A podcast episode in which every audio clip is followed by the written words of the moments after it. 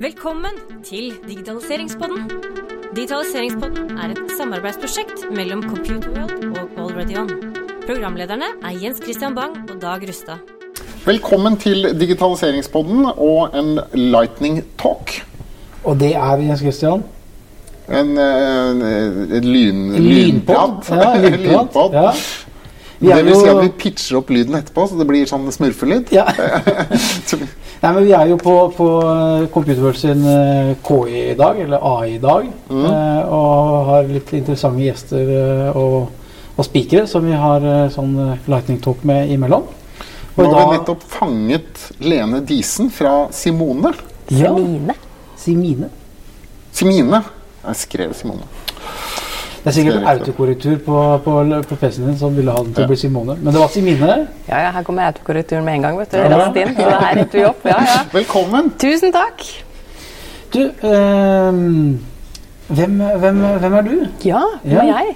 Jo, jeg er Lene. Er administrerende direktør i Semine, som er en eh, norsk eh, startup. Startet i Kristiansand for eh, ja, nå blir det snart fem år siden. Eh, Men for å ta meg først, så er jeg en eh, norsk kvinne. Studert teknologi i Australia tilbake på slutten av 90-tallet. Har vært i bransjen i 20 år nå. eh, har kall det gått i læra i store norske selskaper som Software Innovation, Tieto Microsoft. Og nå er jeg så heldig å lede det kuleste programvarehuset i Norge, i all beskjedenhet, Semine. Og ja, kan jo Men startup for Ja. fem år siden, er man startup lenger da? Ja, ja, ja. Det er du. Så det er jo et eget fagfelt, så det kan vi snakke mer om en annen gang. Men, eh, men det handler jo om å komme seg fra fasen som en startup hvor du har en eh, produktidé, og så må du jo sikre at du får en product market fit, og så må du jo klare å selge uten gründeren, og ha en repetativ modell som gjør at du kan skalere. Så vi er over i den fasen hvor vi har blitt en scale-up. Dvs. Si at vi også begynner å tjene penger og har ekte kunder på plattformen vår. Og er over i kall det neste fase fra da startup-verden til en scale-up. Så vi har gått fra å være ja, fem mennesker, da, eller fire, tilbake i 2016, til nå 65. Kult. I. Norge? I Norge. Ja. Ikke noe uh, offshoring? Nei, ikke på teknologisiden i form av utvikling, men vi har eh, et datterselskap i India som eh, hjelper oss med å være øyne der hvor AI-en ikke kan gjøre det på det som er ikke-digitalt format, som PDF, som hjelper å prosessere de gjennom, sånn at vi får den dataen inn på plattformen vår og kan hjelpe kundene våre med å eh, ja, få prosessert eh, Men datterselskap i India? ja. Har dere kjøpt et selskap i India? Nei, vi har faktisk bygd opp, fordi gründeren vår så jo at uh, dette går jo på det som i front av plattformen vår, som går rundt tolk og validering av, av faktura. Det er det mange andre aktører i markedet som også holder på med. Men det var ingen som klarte å ta det ned på linjenivå på den måten som vi ville.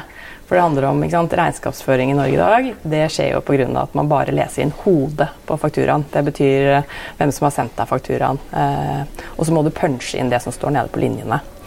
Men for å få dette til å bli ordentlig digitalt, så trenger du da en tolk- og valideringsplattform i, i front som tar, og, tar ut alle disse dataene fra en PDF. Og, og gjør at du kan bruke AI-en og prosessere eh, det til at det blir automatisk eh, kontert og også bokført ikke sant? og videre inn i RP-systemet. Men lærer opp systemet deres til å gjenkjenne hver enkelt faktura? For de ser jo like ut hver gang. Så beløpet er plassert på samme sted, og KID-nummeret er på samme sted. Og Ja, altså Disse menneskene har jo lært seg norsk gjennom fakturaer eh, sånn sett, og, og vet hvor de skal lete etter ting. ah, det er menneskene, Det er som, vet, som sitter der nede i India, Og de, og de- lærer opp systemet. Ja, de lærer opp eh, systemet eller dytter det over til digitalt format. Ja. Men så er det så flott i Norge også at vi har jo EOF og har kommet veldig langt med å adoptere det formatet. Ja. Så 70% av de dataene vi får inn på plattformen vår, er jo i EOF. Eh, og det skulle man jo da tro at var strukturerte data, men EOF er jo ikke en én standard. Du kan allikevel putte inn i beskrivelse at uh, dette er husleie avtalt med Lene Disen for Q1. Eh, og så eh, Det er jo ikke en standard at det skal stå i beskrivelse, og at du, systemet da vet hvor du skal bokføre det hen. Så det er derfor vi er til, og er hele automasjonslaget. Ja, Hvis du bruker. PO-nummer, så går vel det? Ikke sant? For da kan du da må, det er purchase order-nummer hvis det er avtalt på forhånd, men da må du liksom ha en Men det er ikke alle selskaper som bruker mellom- PO. ikke sant? Nei. Så du har inngående faktura, du har PO, altså innkjøpsfakturaer, og så har du kontraktsmatching, og og så har du det som går på utlegg. Så det er, liksom, det er innenfor den sfæren her at vi holder på. da. Så det er liksom mer enn bare inngående faktura. Så du må ha kontroll på alle kostnadene dine og automatisere det. Da slipper du at mennesker sitter og puncher det. Men altså, du, det du da sier, at dere, dere har et lag som dere legger på en måte oppe på oppå ERP-systemet til, til kunden. eh, som da prosesserer eh, og forenkler hverdagen på, på økonomi. Um, er dere da eh, kjent med alle de store programvarehusene der ute på ERP-siden? Og liksom har integrasjoner klart? Det er liksom hyllevare fra deres side? Ja, så å si som integrasjoner da, hvis vi snakker on-prem kan bli. Eh, men ja, det har vi. Og så er det jo selvfølgelig, elsker vi jo skybaserte systemer hvor det er mer self-provisioning og ting går mer automagisk når det gjelder integrasjoner. Så det er jo en fordel. Da er det jo enklere å sette det opp. Eh, men ja, vi, vi uavhengig av ERP så kan vi klare å integrere oss eh, mot det. da. Um, så det er, det er veldig bra. Og så er det jo det at når da kundene får automatisert dette, så får du en innsikt i dataene dine ned på linjenivå som er ganske unik. Det har man jo ikke hatt tidligere. Så ta eksempel at du er et selskap som kjøper inn uh, hansker, f.eks. Så kan du ved at du får kontroll på hvor du har kjøpt inn alle hanskene dine fra, så sitter du jo ned på linjenivå antall du har kjøpt inn, hvor mye de har kostet deg, og hvilken leverandør du har, har valgt. ikke sant? Så, og ofte i store selskaper så er, får jo folk lov å kjøpe inn fra hvor som helst, uten at kanskje økonomifunksjonen har kontroll på hva man faktisk har kjøpt inn.